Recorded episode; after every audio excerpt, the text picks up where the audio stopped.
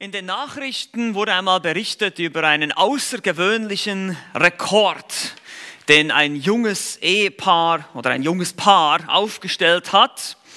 Und zwar ist das der Rekord im längsten oder längsten andauernden Kuss. Ein Paar soll sich tatsächlich 105 Minuten und 48 Sekunden lang geküsst haben. Nun, dieser Rekord überbot einen vorherigen oder vorangegangenen Rekord um zehn Minuten. Der Kuss dauerte so lange, dass die beiden fast ohnmächtig wurden aufgrund von Sauerstoffmangel. Und dennoch mussten aber die ganzen Hals-, Nasen-, Ohrenärzte, die schon bereit standen, da nicht eingreifen. Sie haben es einigermaßen überstanden. Und ich habe auch noch ein bisschen weiter geforscht. Ähm, der heutige Rekord ist sogar noch viel, viel mehr, steht bei 58 Stunden und 35 Minuten, wurde von einem Paar aus Thailand aufgestellt. Kann man nachlesen im Guinness Buch der Rekorde. Und einige von uns heute würden dazu sagen, das muss wahre Liebe sein.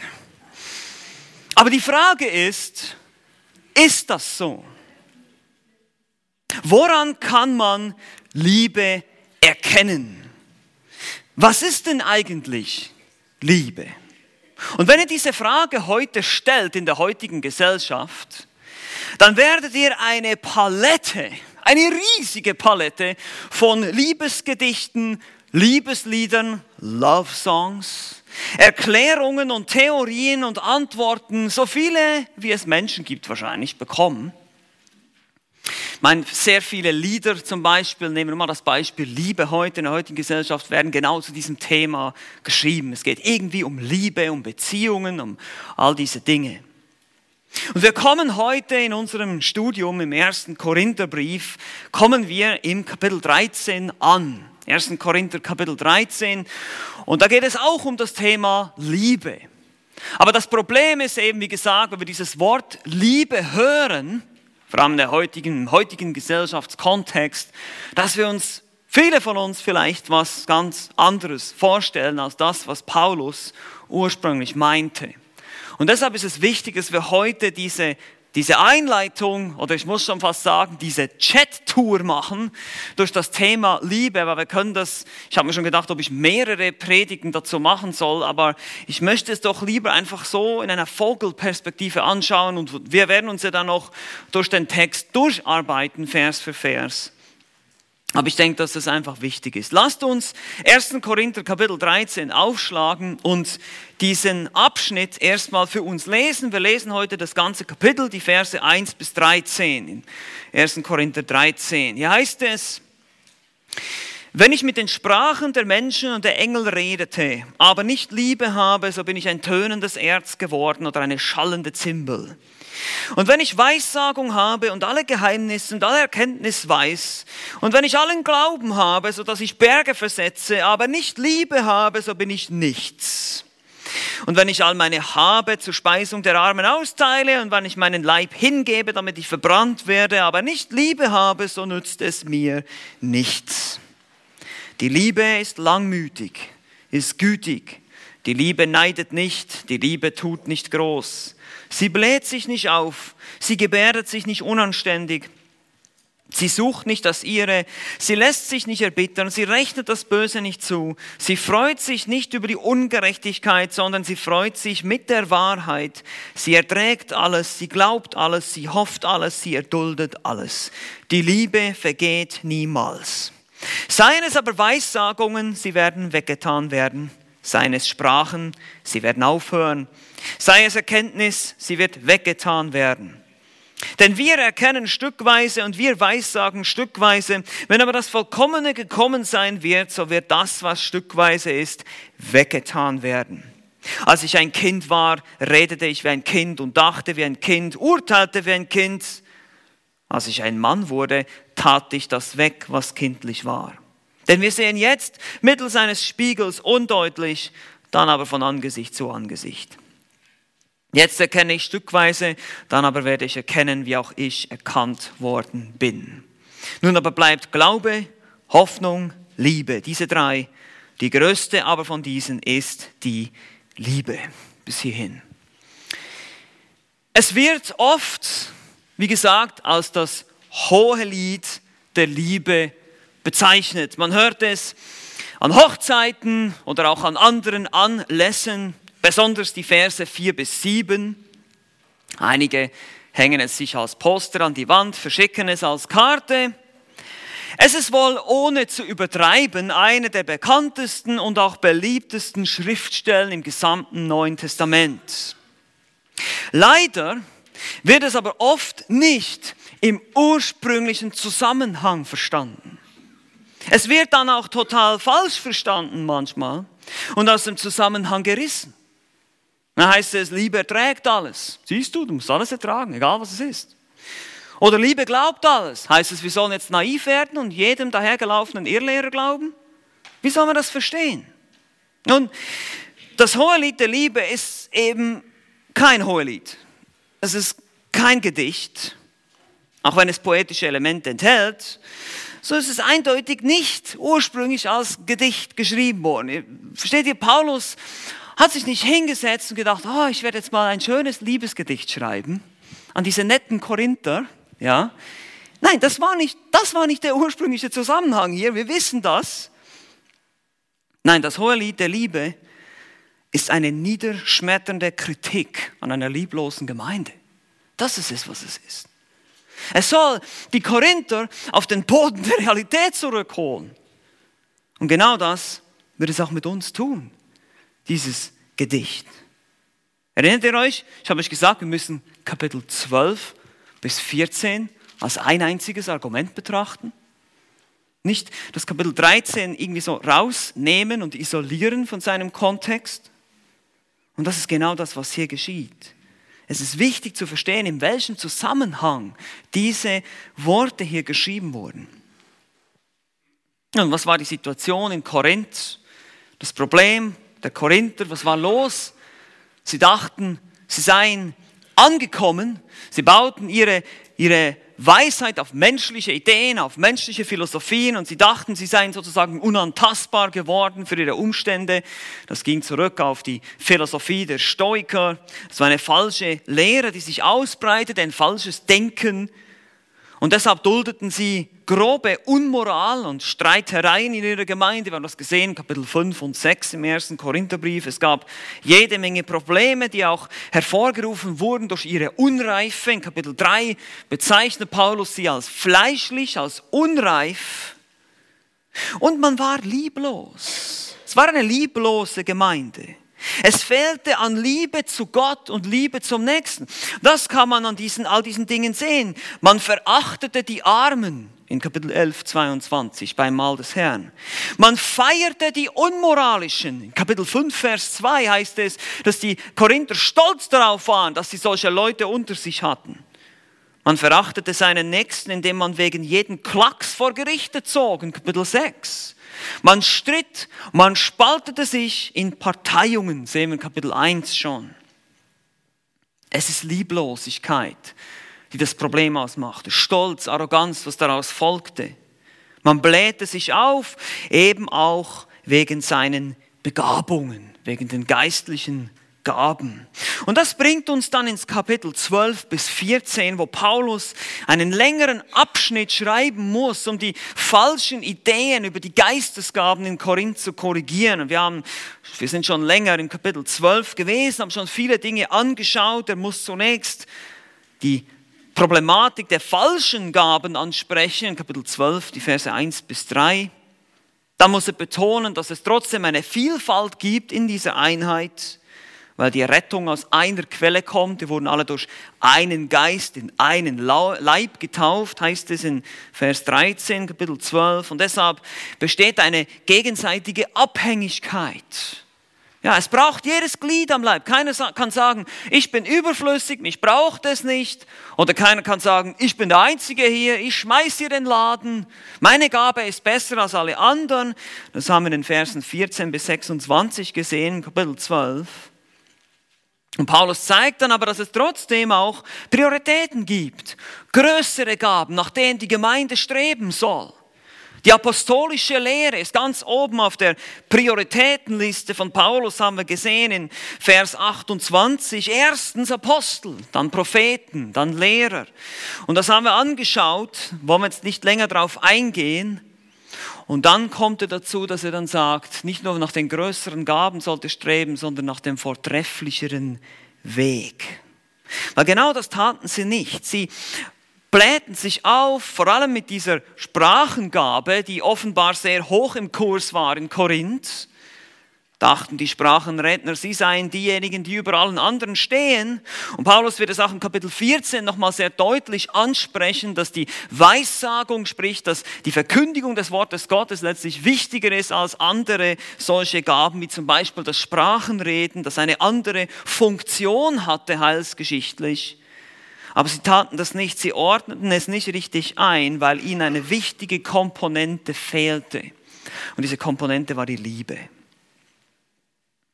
Bei all der Begabung, bei all der Erkenntnis, bei all den Wundertaten gibt es eine Komponente, die in Korinth fehlte, und das war die Liebe. Und deshalb spricht er das hier an. Er korrigiert sie. Er sagt, ich zeige euch einen weit vortrefflicheren Weg. Ich zeige euch das Motiv hinter dem Einsatz der Gaben. Ich zeige euch, warum ihr diese Gaben und wozu ihr diese Gaben einsetzt. Das hat er schon gemacht zur Erbauung der anderen, zur Erbauung der Gemeinde. Aber warum macht ihr das? Das Motiv ist die Liebe. Das ist das eigentliche Motiv, welches dahinter steht und danach strebt, den anderen zu erbauen. Es ist dieses wichtige Element, das offenbar fehlte. Nun, wenn wir Kapitel 13 anschauen, uns einen Überblick verschaffen, dann sehen wir, wie Paulus das gliedert. Relativ simpel hier. Die ersten drei Verse zeigen uns den Vorrang der Liebe. Verse 4 bis 7 die Qualitäten der Liebe und Verse 8 bis 13 die Permanenz der Liebe. Also, dass sie bleibt, dass sie nicht temporär ist, sondern dass sie bleiben wird im Gegensatz zu den Gaben. Und das, wie gesagt, bezieht er immer, und das ist ganz wichtig, immer im vor dem Hintergrund der Geistesgaben. Die Liebe hat den Vorrang vor den Geistesgaben. Die Liebe hat die höhere Qualität als die Geistesgaben. Und die Liebe hat auch die Permanenz im Gegensatz zu den Geistesgaben, wie wir gesehen haben. Die werden weggetan, die werden aufhören. Und das ist sein ganzes Argument. Er sagt, Liebe ist die größte und die ganz am Ende in Vers 13. Und das ist sein Punkt hier. All diese Dinge ohne Liebe bringen nichts. Und wie gesagt, Liebe ist das Thema dieses Kapitels, man kann es nicht verpassen. Und wir müssen feststellen, dass dieses, diese ganze Beschreibung der Liebe hier eben einer, einer Kritik, einer Korrektur dienen sollte. Es sollte den Korinthern zeigen, den Weg, den sie gehen, ist ein liebloser Weg. Und genau das wird es mit uns auch tun. Es ist sehr herausfordernd, es ist sehr überführend, darüber nachzudenken, was hier beschrieben wird, weil das ist so wie so ein Spiegel, der uns vorgehalten wird und wir merken, wow, ich komme hier echt zu kurz. Ich habe keine solche Liebe, immer perfekt, so wie Jesus das hatte. Und deshalb können wir alle lernen, können wir alle wachsen, hier auch von diesem Text. Stellt euch das mal vor. Die aufgeblasenen, arroganten Korinther, die sich so aufblähten mit ihren Gaben, mit ihrem Spektakel. Und jetzt kommt dieser Text hier. Die Liebe ist langmütig. Die Liebe ist gütig. Sie gebärdet sich nicht. Sie bläht sich nicht auf. Sie ist nicht neidisch. Und was macht ihr? Genau das Gegenteil. Und so müssen wir das auch verstehen hier in diesem Zusammenhang mit den Geistesgaben. Es geht immer noch um den Einsatz der Geistesgaben, wie die in Liebe gemacht oder wie Liebe eingesetzt werden. Und deshalb war es auch nicht so, dass, wir dieses, dass die Korinther diese Zeilen gelesen haben und gedacht haben, oh, das fühlt sich so schön an, Paulus. Ah, das ist so schön. Nein, sicher nicht. Das hat richtig wehgetan. Das war ein richtiger Stachel ins Herz. Und die haben genau gemerkt, oh, oh wow, hier haben wir echt was verpasst. Und wir sehen das ja dann auch im zweiten Korintherbrief, dass wirklich Buße getan wurde. Und genau das soll es bei uns bewirken. soll uns die Liebe Gottes vor Augen malen, soll uns zeigen, Christus in seiner Liebe und wir sollen Buße tun über unsere Lieblosigkeit und lernen. Und wie gesagt, was ist biblische Liebe? Paulus benutzt in diesem Text das Wort Agape mindestens neunmal. In den Versen 1, 2, 3, 4, 8 und 13 kommt es vor. Man, wie gesagt, wenn man einen Text als Ganzes liest, man kann es nicht verpassen, es ist ein Schlüsselwort. Und sogar in den Versen 5, 6 und 7, hier im Deutschen unter dem Pronomen sie, sie bläht sich nicht auf, sie gebärdet sich, ist ebenfalls die Liebe gemeint. Und deshalb ist es definitiv ein Schlüsselausdruck hier in dieser Stelle, in diesem Abschnitt, das berühmte Wort Agape, welches in der heidnischen Umwelt der damaligen Christen weniger benutzt wurde. Vielmehr wurde das Wort Eros benutzt für erotische Liebe in griechischen Literatur. Wort Agape wurde ebenfalls benutzt, vor allem auch das Verb Agapao, aber dafür umso mehr im Neuen Testament. Es wurde unter Christen zu einem Inbegriff für göttliche Liebe. Ich betone das immer wieder, Agape ist nicht immer göttliche Liebe, aber doch sehr, sehr oft. Und es wurde durch so eine Art Ausdruck, Merkmal, damit man eben nicht von Eros oder von Phileo, es gibt es auch noch dieses Wort von Bruderliebe, sprechen musste, sondern eben Agape. Musste genau, was gemeint ist. Aber auch wie heute, so wie damals, wurde der Ausdruck Liebe ebenfalls falsch verstanden. Wir müssen auch heute definieren, was die Bibel meint, wenn sie von Liebe spricht. Und hier möchte ich beginnen, einfach beim Fundament, beim absolut, bei der absoluten Grundlage, weil dann wissen wir auch, wovon wir sprechen. Wenn wir dann uns in die einzelnen Verse hineinbegeben. Weil, wie gesagt, viele sprechen heute von Liebe. Ich liebe dich, wird auf Karten geschrieben, Meist aber wird damit ein romantisches Gefühl, ein Kribbeln im Bauch oder sonst irgendwas damit gemeint, ein gutes Gefühl. Und selbst unter Christen wird dieses Wort heute, wie gesagt, falsch verstanden. Man sagt solche Dinge, ich fühle mich nicht geliebt. Und deshalb lasst uns erstmal definieren, lasst uns erstmal versuchen, anhand der Schrift herauszufinden, was Liebe ist. Und vielleicht beginnen wir damit zu definieren, was keine Liebe ist. Manchmal ist es auch hilfreich, mal zu schauen, was ist es nicht und dann was ist es. Also eigentlich haben wir heute nicht 17 Punkte, sondern nur zwei. Ja, wir schauen uns nämlich an, was ist keine Liebe und dann schauen wir uns, was ist Liebe. Und ich be beschränke mich oder konzentriere mich hier vor allem auf die populären Missverständnisse von heute. Also ich mache das jetzt nicht allumfassend, das ist gar nicht möglich, das in einer Stunde zu machen. Aber ich möchte das ich möchte das so ein bisschen auf unsere heutige Gesellschaft, teilweise auch sicherlich von der griechisch-römischen Kultur her, aber vor allem auch auf unsere heutige Gesellschaft etwas beziehen. Ihr werdet schon sehen.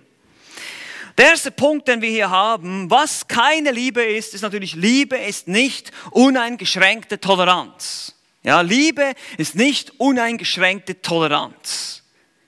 Nun, ihr wisst alle die populären Ideen von heute. Toleranz wird groß geschrieben. Und wenn wir als Christen kommen und sagen, es gibt nur eine Wahrheit und es gibt nur einen Weg und es gibt nur ein Leben in Christus, dann heißt es, du bist intolerant. Du bist lieblos, heißt es dann auch. Oder wenn wir bestimmte Lebensstile nicht akzeptieren, sexuelle Ausrichtungen als Sünde bezeichnen, dann sind wir lieblos und intolerant. Und wenn wir beispielsweise Dinge, die die Bibel als Sünde bezeichnet, ebenfalls als Sünde bezeichnen, werden wir als lieblos gestempelt. Nur leider hat sich diese Denkweise eben bereits in christliche Kreise ausgebreitet und werden wir teilweise auch beschimpft, sogar von anderen Christen, lieblos zu sein, weil wir auf einer bestimmten Wahrheit beharren und sagen, das ist wahr. Wir werden auch dazu kommen wegen der Wahrheit. Aber das ist mal das Erste. Der zweite wichtige Punkt ist, Liebe ist nicht schwach. Was meine ich damit? Nun wisst ihr, Jesus wird, das Bild von Jesus, das manche Menschen haben, ist dieses Bild von einem Hippie, der immer nur so rumläuft mit einem heiligen Schein, hey, Peace Man und alles Liebe und alles ist soft und schwach und alles ist so schön feminin und einfach süß, ja. Das ist nicht Jesus, okay? Und das hat auch nichts mit Liebe zu tun. Das ist nicht das, was wir in der Schrift finden. Liebe ist nicht Softie und Wattebausch. Liebe hat Überzeugung. Liebe hat Rückgrat. Liebe basiert auf Wahrheit und Gerechtigkeit, wenn wir noch sehen. Und deshalb sehen wir zum Beispiel Jesus, wie er den Tempel säubert. Komme ich dazu, das ist im dritten Punkt hier. Liebe ist nicht immer ruhig und leidenschaftslos. Ja, das sind die, manche Leute denken, ja, wenn ich besonders liebevoll sein will, dann darf ich einfach immer nur so reden, in so einem ganzen sanften Ton. Das ist schon okay, das ist auch manchmal nötig, aber es ist nicht immer einfach so. Und Liebe wird falsch verstanden, wenn wir, wenn wir nicht sehen, wenn wir nicht denken, sie kann auch leidenschaftlich sein. Da ist eine Überzeugung dahinter. Da ist eine Leidenschaft dahinter für etwas, für eine bestimmte Sache. Jesus war sehr leidenschaftlich, als er den Tempel reinigte und die Menschen, die den Tempel in ein Kaufhaus verunstalteten, er hat sie mit einer Peitsche aus dem Tempel getrieben. Das war Liebe. Ja, ich weiß, es passt nicht in unser Konzept von heute, aber ich möchte das ein bisschen darstellen, damit wir das richtig verstehen.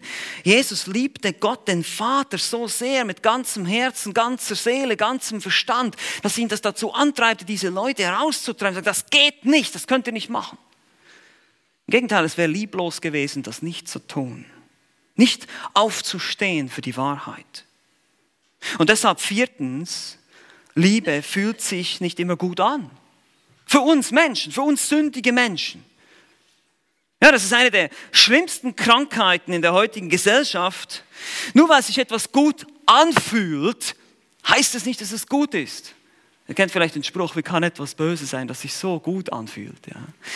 Nein, das ist nicht so. Es fühlt sich nicht immer gut an. Manchmal fühlt es sich gut an. Ja, das kann sein. Die Gefühle sind nicht immer verkehrt. Aber die Bibel spricht davon, dass auch sogar Schläge aus Liebe kommen können. Sprüche 13, Vers 24 oder Sprüche 27, Vers 6. Treu gemeint sind die Schläge des Freundes. Gott züchtigt uns aus Liebe, heißt es in Hebräer 12. Liebe fühlt sich nicht immer gut an. Es kann trotzdem Liebe sein. Und fünftens, Liebe ist nicht nur Sex und Romantik. Ich glaube, das ist wichtig, dass wir das einfach betonen und sagen. Natürlich gehört es auch dazu für ein Ehepaar. Ja, das ist sogar Gebot für ein Ehepaar, haben wir gesehen, 1. Korinther 7, Vers 5. Aber wir dürfen Liebe nicht allein auf das Körperliche, auf das Romantische, auf das Erotische reduzieren. Und das ist genau das, was in der heutigen Gesellschaft geschieht. Wenn man sich die ganzen Love-Songs äh, mal anschaut oder anhört, zu viel sollte man davon nicht hören. Manches ist sehr explizit. Man weiß einfach, es geht einfach nur um dieses eine. Und das ist ein Problem. Und deshalb ist es dann irgendwie so schräg, wenn ich dann einfach zu jemandem sage, ich liebe dich. Das hört sich dann gleich, da hat man gleich das Gefühl, das ist ein sexueller Unterton. Man kann in der heutigen Gesellschaft, wir sind schon so verdorben, so primitiv, muss ich schon mal sagen, dass wir gar nicht mehr so denken können. Deshalb müssen wir das neu definieren, was wahre Liebe ist, was die Schrift sagt hier an der Stelle, wenn sie das Wort Agape benutzt. Also das sind wahrscheinlich so die fünf größten Missverständnisse. Es gibt sicher noch mehr, aber das sind so die Dinge, die ich einfach sehen kann in unserer heutigen Gesellschaft, was falsch verstanden wird. Und jetzt wollen wir uns lieber dem zuwenden, wie wir es richtig verstehen. Das ist mir viel wichtiger, als dass wir jetzt hier sämtliche falschen Ideen, da würden wir wahrscheinlich auch nicht mehr fertig werden. Wir wollen uns lieber dem zuwenden, was die Bibel sagt. Und deshalb lasst uns jetzt die zwölf Eigenschaften göttlicher Liebe anschauen. Und wie gesagt, schnallt euch an, bringt eure Sitze in eine senkrechte Position. Wir starten, okay? Es geht ganz schnell hier und deshalb müsst ihr gut aufpassen. Wir wollen uns die zwölf, diese zwölf Eigenschaften anschauen, einfach damit wir diesen Überblick, diese Vogelperspektive haben. Erstens, Liebe ist ein Geschenk. Liebe ist ein Geschenk. 1. Johannes 4,8 heißt es, Gott ist Liebe. Nur Gott selbst kann uns diese Liebe schenken. In Römer 5, Vers 5 heißt es, dass die Liebe Gottes ausgegossen wurde in unsere Herzen durch den Heiligen Geist. Biblische, göttliche Liebe ist eine übernatürliche Liebe. Es ist der vortrefflichere Weg, sagt Paulus in 1. Korinther 12, 31. Es geht über das normale Menschliche hinaus. Es ist nicht natürlich. Es ist nicht von dieser Welt. Niemand kann so lieben, haben wir gerade gesungen. Jesus, so wie du, kann keiner lieben. Wir auch nicht. Wenn die Liebe Gottes nicht in unsere Herzen ausgegossen wird. Und selbst dann bleibt es unvollkommen. Es ist eine Frucht des Geistes, Galater 5, 22. Kein Werk des Fleisches, kein Werk eines Menschen. Es ist die Frucht, das Resultat des in dir wirkenden Heiligen Geistes, wenn du tatsächlich lieben kannst. Das heißt, es kann nicht künstlich produziert werden. Es geht nicht. Und deshalb die Frage hier an dich als Anwendung. Bist du gerettet? Bist du Christ? Bist du schon, hast du schon Christus vertraut? Wenn es um deine Sünden vergeben, hast du erkannt, dass du ein Sünder bist, dass du Böses getan hast, dass Gottes Gebote gebrochen hast und Vergebung brauchst für deine Sünde. Weil erst dann durch den Glauben an unseren Herrn Jesus Christus schenkt er uns den Heiligen Geist und gießt sozusagen bildlich gesprochen die Liebe in unsere Herzen aus. Es ist eine übernatürliche Liebe, es ist ein Geschenk von Gott. Gott ist Liebe und er muss dir diese Liebe schenken, sonst kannst du nicht lieben. Das haben wir gestern auch gehört in den Zeugnissen, die, die unsere lieben Geschwister hier aus Hamburg gebracht haben. Die haben es immer wieder deutlich gemacht. Wenn du die Liebe Gottes nicht erfahren hast, kannst du nicht lieben. Du weißt gar nicht, was Liebe ist. Wir haben eben andere komische Vorstellungen. Durch unsere Sünde und unsere Verdorbenheit haben wir ganz verdrehte Vorstellungen, was Liebe ist. Und wir müssen erstmal errettet sein. Also Liebe ist ein Geschenk. Zweitens, Liebe ist eine rettende Liebe. Das muss an der Stelle natürlich auch betont werden. Gottes Liebe ist eine rettende Liebe, eine Retterliebe. Johannes 3, Vers 16. Denn so hat Gott die Welt geliebt, ja, es ist geliebt, dass es einen einzigen Sohn gab, damit jeder, der an ihn glaubt, nicht verloren geht, sondern ewiges Leben habe. So hat Gott geliebt und deshalb hat er gerettet. Und deshalb selbst als Gerettete, wenn wir bereits gläubig sind, unser Vertrauen auf Christus setzen, sind wir auch in gewissem Sinne Retter. Nicht natürlich, dass wir Menschen retten können, aber zum Beispiel in Epheser 5,23 heißt es, der Mann ist das Haupt der Frau, wie auch der Christus das Haupt der Versammlung, er ist des Leibes Heiland oder des Leibes Retter. Nun, das Wort Retter kann auch im Sinne von Versorger oder Bewahrer benutzt werden. Der Ehemann ist nicht der Retter der Ehefrau, aber er ist der Bewahrer, der Versorger. Und so ist es auch bei uns. Diese Liebe ist eine sorgende Liebe, eine rettende Liebe. Erstens mal gegenüber den Ungläubigen. Es ist uns ein Anliegen, dass Menschen gerettet werden, dass sie den Herrn Jesus erkennen und dann auch, dass es den anderen gut geht. Deshalb ist die Liebe auch gütig und rechnet das Böse nicht zu. 1. Korinther 13, Vers 4 und 5. Sie sorgt sich und rettet und bewahrt den Nächsten auch vor Sünde und vor dummen Entscheidungen und vielem mehr. Also die Liebe ist ein Geschenk, sie ist eine rettende Liebe. Drittens, die Liebe ist mit Wahrheit verknüpft. Nun immer wieder wird in der Schrift stellen wir eine untrennbare Verbindung zwischen Liebe und Wahrheit fest. Absoluter Wahrheit. Wahrheit die von Gott kommt. Epheser 4, 15. Sondern die Wahrheit festhaltend in Liebe lasst uns in allem heranwachsen. In 1. Johannes 3, 18. Kinder lasst uns nicht lieben mit Worten und mit der Zunge, sondern in Tat und Wahrheit. Und auch 1. Korinther 13, 6. Freut sich an der Wahrheit. Jemand sagte mal, Wahrheit ohne Liebe ist Härte. Aber Liebe ohne Wahrheit ist Hurerei. Das ist geistliche Hurerei. Eben, dann tolerieren wir einfach alles und jeden. Das kann, das geht nicht. Warum geht das nicht? Weil die Liebe Gottes mit der Wahrheit verknüpft und verbunden ist. Liebe ohne Wahrheit ist keine echte Liebe. Stell dir mal vor, jemand sitzt in einem brennenden Haus. Und er sitzt einfach da und merkt es nicht. Was würdest du tun, wenn du diesen Menschen liebst? Natürlich, du nimmst diesen Menschen, packst ihn am Kragen und reißt ihn aus diesem Haus. Und der mag vielleicht sagen, halt hör auf, das tut mir weh. Aber du liebst ihn zu sehr, dass du nicht sein Leben retten würdest. Du siehst die Wahrheit, du erkennst, er, besteht, er steht in Lebensgefahr. Er sieht es vielleicht selber nicht, aus welchem Grund auch immer. Und genauso tut die Liebe auch. Nicht alles und jeden tolerieren, egal in welchem Sünde und Lebensstil er sich befindet, sondern das wäre lieblos, den Menschen einfach in sein sicheres Verderben laufen zu lassen.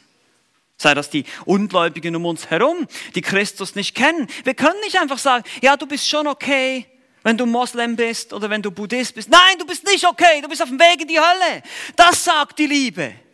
Wenn ich mich wirklich um diesen Menschen Sorgen mache, um diesen Menschen lieben will, dann sage ich ihm das sonst bin ich lieblos. Und genauso in der Gemeinde auch. Wenn jemand in Sünde lebt, dann muss ich auf die Person zugehen und sagen, du lebst in Sünde, das geht nicht. Du machst dich selbst kaputt, du zerstörst dich selbst. Es wäre lieblos, wenn ich das nicht ansprechen würde. Liebe ist mit Wahrheit verbunden. Und genauso auch, und das ist der vierte Punkt, mit Gerechtigkeit. Ihr seht das hier, Liebe ist mit Gerechtigkeit verknüpft.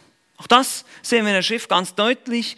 Die Gerechtigkeit ist die Gerechtigkeit Gottes. Gott selbst tut, denkt und sagt immer, was moralisch richtig ist. Denn die Bibel selbst macht deutlich, dass Gott selbst der Standard ist für Gerechtigkeit. Er ist gerecht. Er muss sich nicht irgendeinem Maßstab beugen, irgendeinem Gesetz. Er ist das Gesetz. Und dann heißt es in 1. Johannes 3, Vers 10, 1. Johannes 3, Vers 10, Hieran sind die Kinder Gottes und die Kinder des Teufels offenbar. Jeder, der nicht Gerechtigkeit tut, ist nicht aus Gott. Und wer seinen Bruder nicht liebt. Seht ihr hier die Verbindung zwischen Gerechtigkeit und Liebe? Ja, jeder, der nicht Gerechtigkeit tut und seinen Bruder nicht liebt. Und deshalb 1. Korinther 13, Vers 6, Liebe freut sich nicht an Ungerechtigkeit, eben an der Gerechtigkeit. Wer liebt, kann nicht ungerecht sein. Wer liebt, muss gerecht sein. Das heißt, er muss gerecht richten, sogar gerecht urteilen, Dinge beurteilen, Dinge prüfen. Das ist Liebe. Das kommt nicht.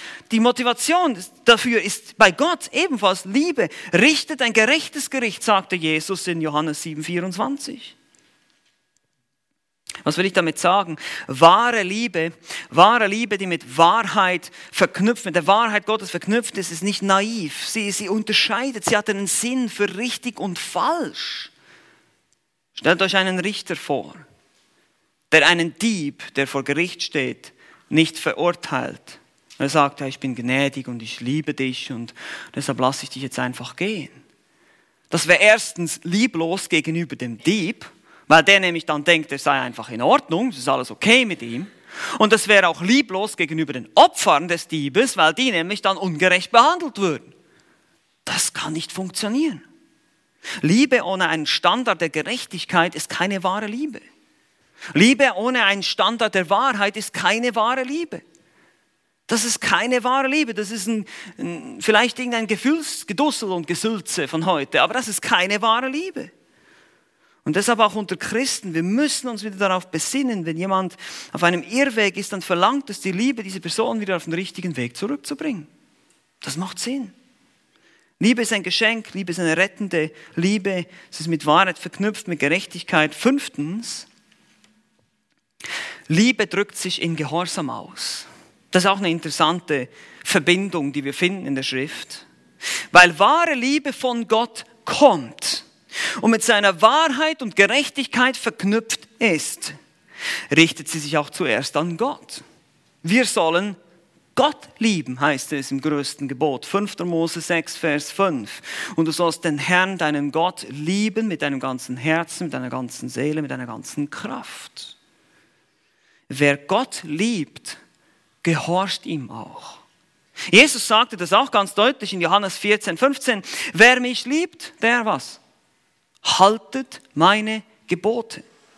Der Apostel Johannes schrieb, 1. Johannes 5, Vers 3, denn dies ist die Liebe zu Gott, dass wir seine Gebote halten. Und seine Gebote sind nicht schwer. Warum sind sie nicht schwer? 1. Johannes 5, Vers 3, weil du den Heiligen Geist hast, die Liebe Gottes ist ausgegossen. Seine Gebote sind nicht schwer. Ein Kommentator drückt es so aus, Zitat, Lieblosigkeit steckt hinter allem Ungehorsam. Lass das mal einsinken.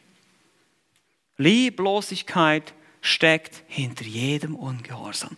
Wenn ich ungehorsam bin, dann fehlt es mir an Liebe. Liebe zu Gott. Wenn du also behauptest, Gott zu lieben, aber du gehorchst ihm nicht, dann bist du ein Lügner. So sagt es die Bibel. 1. Johannes 2, die Verse 4 bis 5. Wer sagt, ich habe ihn erkannt und hält doch seine Gebote nicht, der ist ein Lügner. Und in einem solchen ist die Wahrheit nicht. Seht ihr wieder die Verbindung hier zwischen Wahrheit und Liebe ebenfalls? Wer aber sein Wort hält, in dem ist wahrhaftig die Liebe Gottes vollkommen geworden. Das heißt, wer sein Wort hält, wer ihm gehorcht, daran kann man sehen, dass er Gott wirklich liebt, indem er ihm gehorcht. Willst du wissen, ob du Gott liebst? Willst du einen konkreten Maßstab haben? Oder noch einfacher, willst du wissen, wie sehr du Jesus liebst? Schau mal, wie konsequent dein Gehorsam ist gegenüber seinen Geboten. Schau mal im Alltag, wie konsequent bin ich im Gehorsam gegenüber dein. Liebe ich den Herrn wirklich genug, um gehorsam zu sein? Oder merke ich, dass andere Dinge mich wegziehen und dass ich die vielleicht eben mehr liebe als den Herrn? Bist du ein Nachfolger oder ein Nachplapperer? Das ist hier die Frage. Weil er nur der Nachfolger liebt Christus und folgt ihm nach und tut das, was er sagt. Was nennt er mich Herr, Herr und tut nicht, was ich sage, hat er gesagt in Lukas 6, 46. Wie gesagt, Liebe ist also auch mit Gehorsam, geht mit Gehorsam einher. Sie ist ein Geschenk, ist eine rettende Liebe, ist mit Wahrheit und Gerechtigkeit verknüpft und drückt sich in Gehorsam aus. Sechstens, Liebe ist nicht unterteilbar. Man kann sie nicht unterteilen. Was meine ich damit? Nun, man kann Liebe zu Gott und Liebe zum Mitmenschen nicht unterteilen. Die sind ebenfalls miteinander verknüpft. 1. Johannes Kapitel 4, Verse 20 bis 21 heißt es, wenn jemand sagt, ich liebe Gott und hasst doch seinen Bruder, so ist er ein Lügner, schon wieder. Denn wer seinen Bruder nicht liebt, den er sieht, wie kann der Gott lieben, den er nicht sieht? Und dieses Gebot haben wir von ihm, dass wer Gott liebt, auch seinen Bruder lieben soll. Nun, wir sollen auch den Nächsten generell lieben, heißt es in Matthäus 22, 39, oder auch sogar unsere Feinde in Matthäus 5, 44. Wir kennen diese Stellen. Warum können wir das? Nun, wir müssen darüber nachdenken, wie viele Sünden Christus mir vergeben hat. Und wie, wie groß Gottes Liebe, wir haben es vorhin gesungen, oh, die tiefe Liebe Jesu. Wir müssen darüber nachdenken. Wie tief ist die Liebe Jesu zu mir? Und die, wenn ich, je mehr ich über diese Liebe nachdenke, desto mehr kann ich anderen Menschen vergeben, kann ich dann kann ich bereit sein zur Vergebung. Manchmal kommt es nicht zustande, wenn jemand nicht um Vergebung bittet, aber ich kann eine vergebende Haltung haben, eine versöhnende Haltung einnehmen. Das erinnert uns auch an die Geschichte mit dem ungerechten Knecht. Der König, ihr kennt diese Geschichte in Matthäus 18, der König vergab ihm eine unermessliche Schuld und er geht dann sozusagen vor Gericht mit seinem Mitknecht, der eine vergleichsweise lächerliche Summe ihm schuldet. Und so können wir die Liebe Gottes, Liebe zu Gott, nicht von der Liebe zum Mitmenschen trennen. Das passt einfach nicht zusammen. Weil wir sollen ja Gott ähnlicher, Christus ähnlicher werden. Deshalb müssen wir auch in unserer Liebe zu Mitmenschen ähnlicher sein. Wenn wir unserem Nächsten nicht vergeben können und wir einen Groll hegen in unserem Herzen, dann müssen wir Buße tun, umkehren. Das ist keine Liebe. Und auch wenn ich dann sage, ich liebe Gott und, und, und, viel bete und Bibel lese, aber in meinem Herzen anderen Menschen nicht vergeben kann, dann ist das keine wahre Liebe. Und deshalb siebtens ist die Liebe Gottes auch eine heiligende Liebe, sehen wir hier. Die Liebe, die Christus zu seiner Gemeinde hat, ist nicht einfach nur ein wohliges Gefühl, sondern sie hat ein Ziel. Sie arbeitet zielgerichtet. Dieses Ziel ist unsere Heiligung. Epheser 2, Verse 8 bis 10 heißt es, denn durch die Gnade seid ihr errettet. Und hier kann man genauso gut auch sagen, durch die Liebe Gottes. Gottes Liebe und Gnade sind auch miteinander verbunden. Mittels des Glaubens und das nicht aus euch, Gottes Gabe ist es, nicht aus Werken, damit niemand sich rühme, denn wir sind sein Werk, geschaffen in Christus Jesus zu guten Werken, die Gott zuvor bereitet hat. Wir sehen deutlich, die Liebe Gottes zu uns ist eine Liebe, die uns heiligen möchte. Was heißt das Heiligen? Heiligen bedeutet absondern von Sünde, weg von der Sünde, hin zu Christusähnlichkeit. So wird dann im Epheserbrief beispielsweise den Männern geboten, in Epheser 5, ihr Männer liebt eure Frauen, wie auch Christus die Versammlung oder die Gemeinde geliebt hat und sich selbst für sie hingegeben hat, damit er sie heiligte. Der Mann soll seine Frau lieben, indem er sie heiligt, indem er ihr hilft in der Nachfolge, indem er sie belehrt im Wort, heißt es dann auch noch. Also diese Liebe ist ganz klar, diese Liebe hat das Ziel zu heiligen. Christus gab sich hin aus Liebe, um uns zu heiligen, um uns abzusondern, herauszunehmen aus diesem bösen Weltlauf, heißt es. Und genauso auch wir. Wir demonstrieren Liebe zum Bruder, wenn wir um seine Heiligung besorgt sind. Das bedeutet eben um seine Absonderung von Sünde und Christusähnlichkeit. Und deshalb wiederholt das Neue Testament unermüdlich, dass wir uns gegenseitig zu was anspornen sollen? Zu Liebe und guten Werken. Das gehört auch zusammen. Das gehört ebenfalls zusammen, Hebräer 10, 24. Es ist eine Tugend für eine Gemeinde, wenn wir einander auffordern, anfeuern zur Heiligung. Wenn überhaupt über Heiligung gesprochen wird. Das muss heute auch betont werden. Und heute scheint es ja schon als lieblos zu gelten, wenn ich, wenn ich, dich, wenn ich dich anspreche, sage, du, du musst das ändern. Das ist falsch, was du machst. Oh, du bist lieblos. Oh, du verurteilst. Nein, ich bin nicht lieblos. Nein, das kommt aus Liebe, aus Sorge um dich, weil ich weiß, was diese Sünde mit dir tun wird. Und ich weiß, unter welchem Herd du zurzeit lebst, unter dem Teufel, der dich kaputt macht. Da kann ich doch nicht einfach daneben stehen. Das wäre lieblos. Es geht uns alle etwas an. Und wenn jemand auf mich zukommt oder wenn jemand auf dich zukommt, dann fühle dich nicht ausspüren, hey, was geht dich mein Privatleben an? Nein, ja, es geht uns alle was an. Von dem Moment an, erinnert ihr euch, 1. Korinther Kapitel 12, wenn ein Glied leidet, leiden alle Glieder mit. Wie war das nochmal? Alle, alle hangen irgendwie zusammen. Wenn, wenn du in Sünde lebst, dann hat das einen Einfluss auf uns alle, auf die ganze Gemeinde. Das ist nicht einfach so Privatsache. Ja? Lass uns das merken. Merkt ihr das? Sünde ist keine Privatsache. Sünde hat immer Einfluss auf andere, auch wenn du denkst, es hat keinen Einfluss, aber es hat einen. Und deshalb, wir sind ein Leib, wir gehören alle zusammen. Es ist keine Privatsache. Wir müssen einander gegenseitig auffordern und anspornen zu Liebe und guten Werken. Liebe tut das. Und deshalb ist achtens Liebe eben eine Tat. Es ist nicht in erster Linie ein Gefühl, sondern eine Tat. Und hier können wir uns jetzt kurz mal 1. Korinther 13, die Verse 4 bis 7, müssen einen kurzen Blick reinwerfen hier. Vielleicht noch die ersten zwei Worte oder zwei Zeilen hier in Vers 4. Heißt es in unserem deutschen Text, den meisten heißt es, die Liebe ist langmütig. Die Liebe ist gütig. Ja, heißt es da. Aber eigentlich, was interessant ist hier, im griechischen Text stehen hier Verben. Na, könnt ihr euch vielleicht noch erinnern, Stoff, zweite Klasse, dritte Klasse, ein Verb ist ein Tätigkeitswort, beschreibt eine Tätigkeit, es ist kein Adjektiv, also ein Wie-Wort, würde man sagen, langmütig, sondern Liebe langmütigt. Als Verb wird es hier ausgedrückt. Liebe gütigt. Ihr seht jetzt, warum wir das nicht so übersetzen können auf Deutsch, weil es das nicht gibt. Aber das ist interessant, das Detail hier zu festzustellen, die Liebe ist eine Tat. Es ist etwas, was wir aktiv tun. Ja, wenn du den Heiligen Geist hast, wenn du ein Kind Gottes bist, wenn die Liebe Gottes ausgegossen wurde in dein Herzen, heißt es nicht, dass es einfach so von alleine geht, so magischer Zip, ja, und dann bin ich einfach liebevoll, sondern ich muss mich dafür entscheiden, ich muss es tun. Liebe wird von Gott definiert als ein Verb, eine Tätigkeit. Wir können uns erinnern, 1. Johannes 3, 18, wir lieben nicht in Worten, sondern in Tat und Wahrheit. Also es geht darum, was ich tue, nicht erst nur darum, was ich sage. Das beste Beispiel für diese Liebe ist natürlich wieder unser Herr Jesus Christus am Kreuz.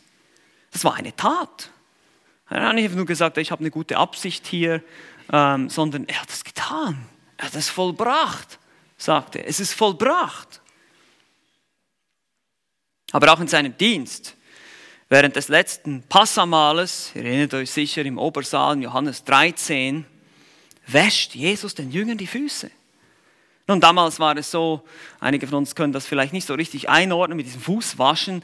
Ähm, ihr müsst euch vorstellen, die, die Straßen damals waren dreckig und staubig und man lief mit Sandalen rum sozusagen und die Füße wurden dreckig.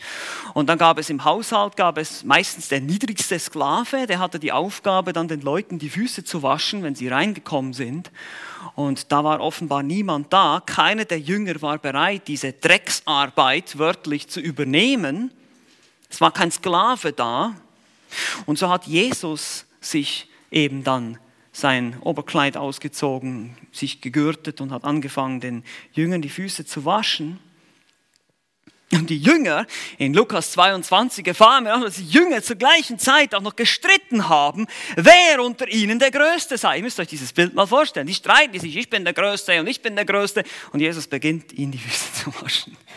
Das war wahrscheinlich ziemlich still dann. Kann man vorstellen, diese, diese Stille, diese einfach dieses Beschämtsein, einfach einmal mehr zu sehen. Oh wow, wir haben es echt, wir haben echt keine Ahnung. Die Jünger waren unattraktiv, sie waren egoistisch, sie waren stolz, sie stritten und Jesus hat sie geliebt. Er schritt zur Tat, er tat etwas. Er zeigte ihnen seine Liebe durch eine Tat. Genauso ist es bei uns. Wie sieht es bei uns aus? Wie sieht es bei mir aus? Liebe ich in Tat und Wahrheit? Tue ich etwas? Ist es eine Liebe, die sich in der Tat ausdrückt oder nur bei den Worten bleibt? Ebenfalls bei Jesus sehen wir die neunte Eigenschaft hier der Liebe. Liebe ist selbstlos. Das ist Nummer neun. Deshalb gibt die Liebe und nimmt nicht. Ja, Liebe gibt, sie nimmt nicht. Johannes 3,16. Gott gab seinen Sohn. Epheser 2,5 wandelt in der Liebe, gleich wie auch Christus uns geliebt hat und sich selbst für uns gegeben hat. Epheser 2,5.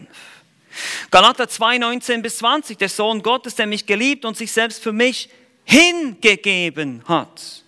Oder Johannes 15, 13, größere Liebe hat niemand als die, dass einer sein Leben lässt für seine Freunde. Er gibt es hin. Hat dein Feind Hunger, so speise ihn mit Brot, hat er Durst, so gib ihm Wasser zu trinken. Sprüche 25, Vers 21. Liebe ist geben.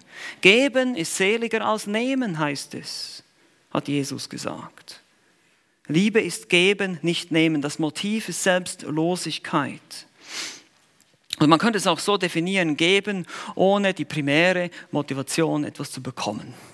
Ja, wisst ihr, das manchmal ist? Wir geben manchmal etwas, aber irgendwo erwarten wir dann auch eine Gegenleistung. Ich lade dich ein, aber du ladest mich dann hoffentlich auch mal ein. Ne? so im, im Innern des Herzens, ja, wenn wir ehrlich sind. Und das ist genau das, was wahre Liebe nicht tut. Sie gibt einfach und erwartet nichts zurück. Ich meine, sind wir mal ehrlich, was hat Jesus eigentlich von uns?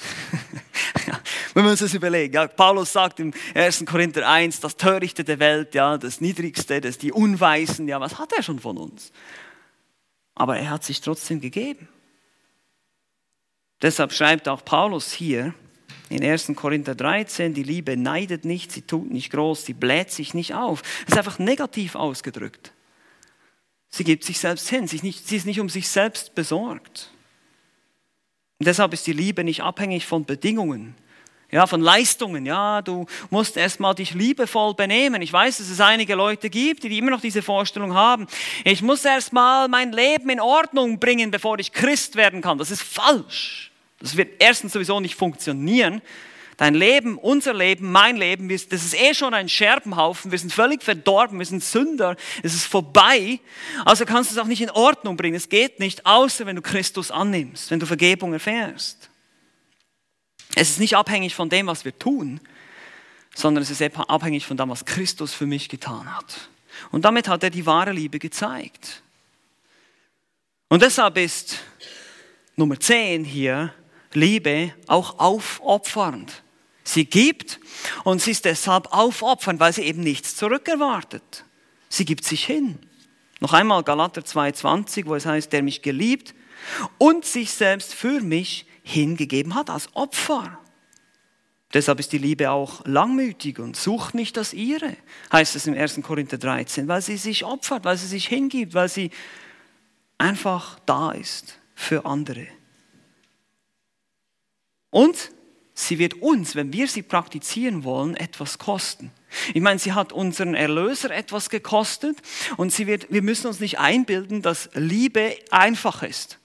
Ja, es ist nicht einfach zu lieben, weil die Menschen, inklusive ich, nicht liebenswürdig sind und, wir Sünder sind. Und deshalb ist es schwierig, sei das jetzt bei Ehepaaren, müssen an ihrer Liebe arbeiten. Ja, ich weiß, am Anfang ist man verliebt und so weiter, aber dann irgendeinmal muss man anfangen, diese Liebe zu praktizieren. Es muss mehr sein als nur die schnulzigen Worte.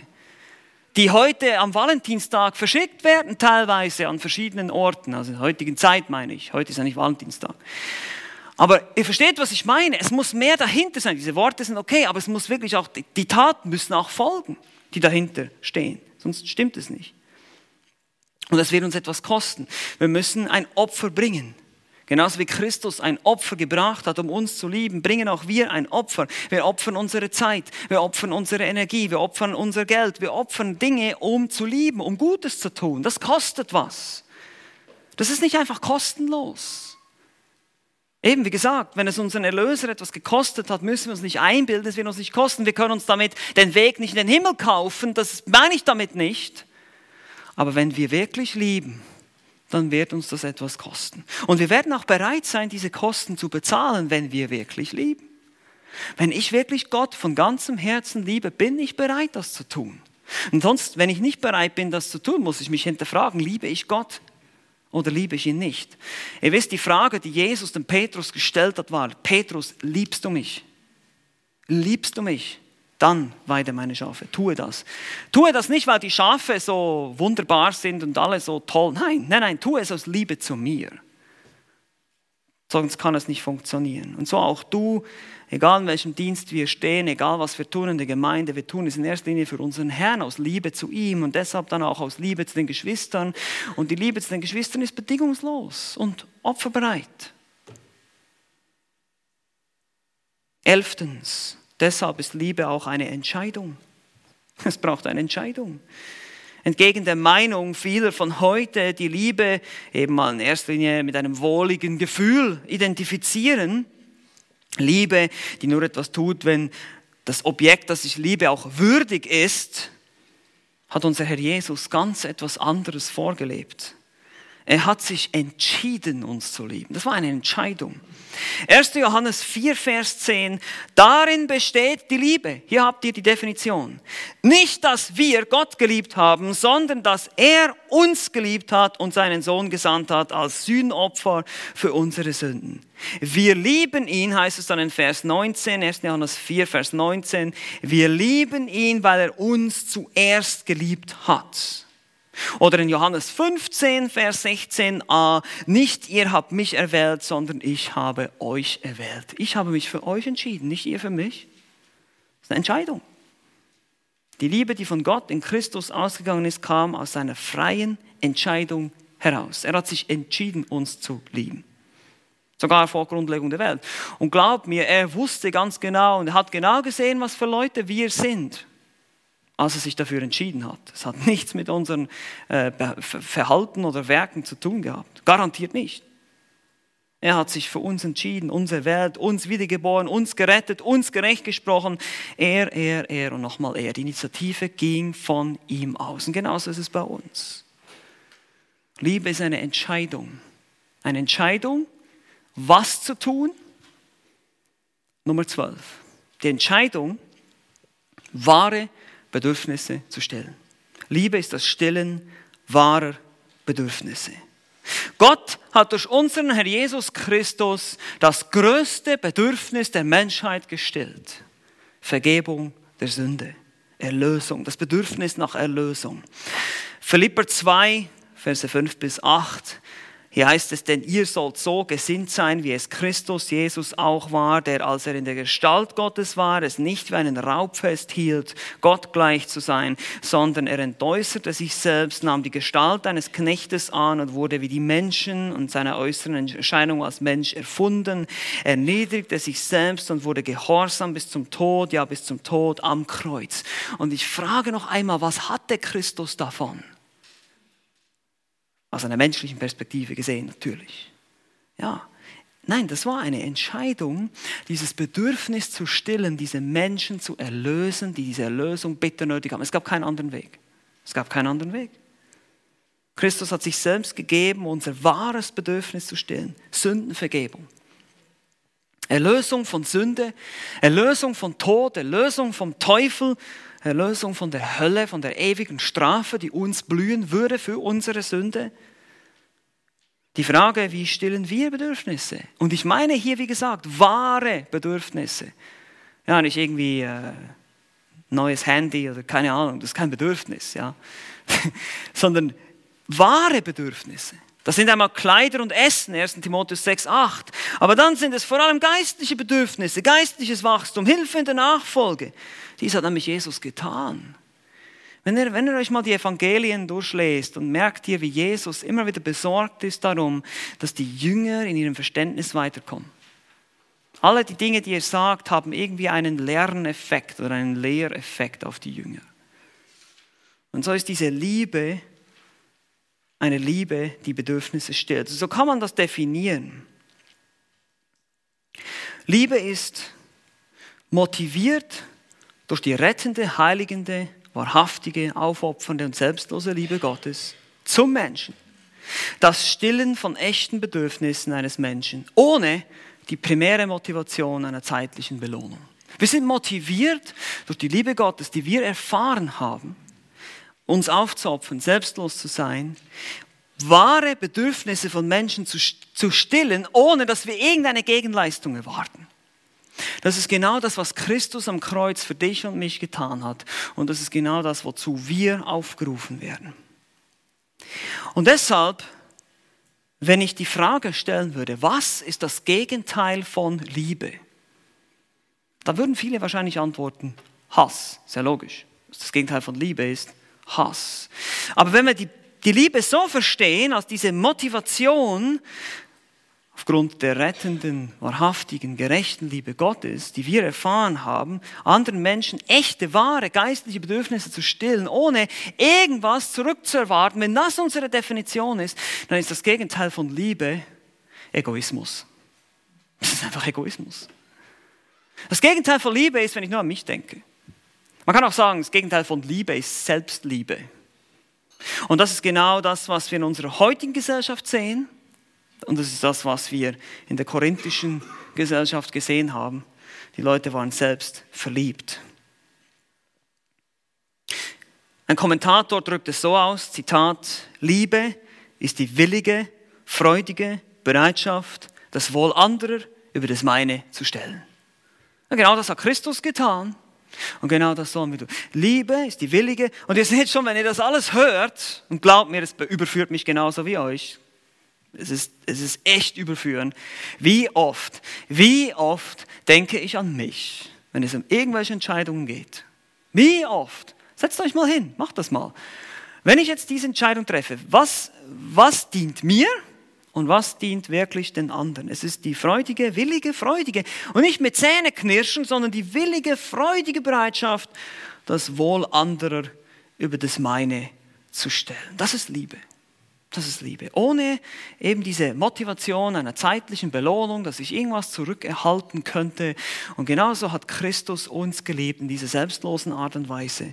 Und genau das sollen wir auch tun.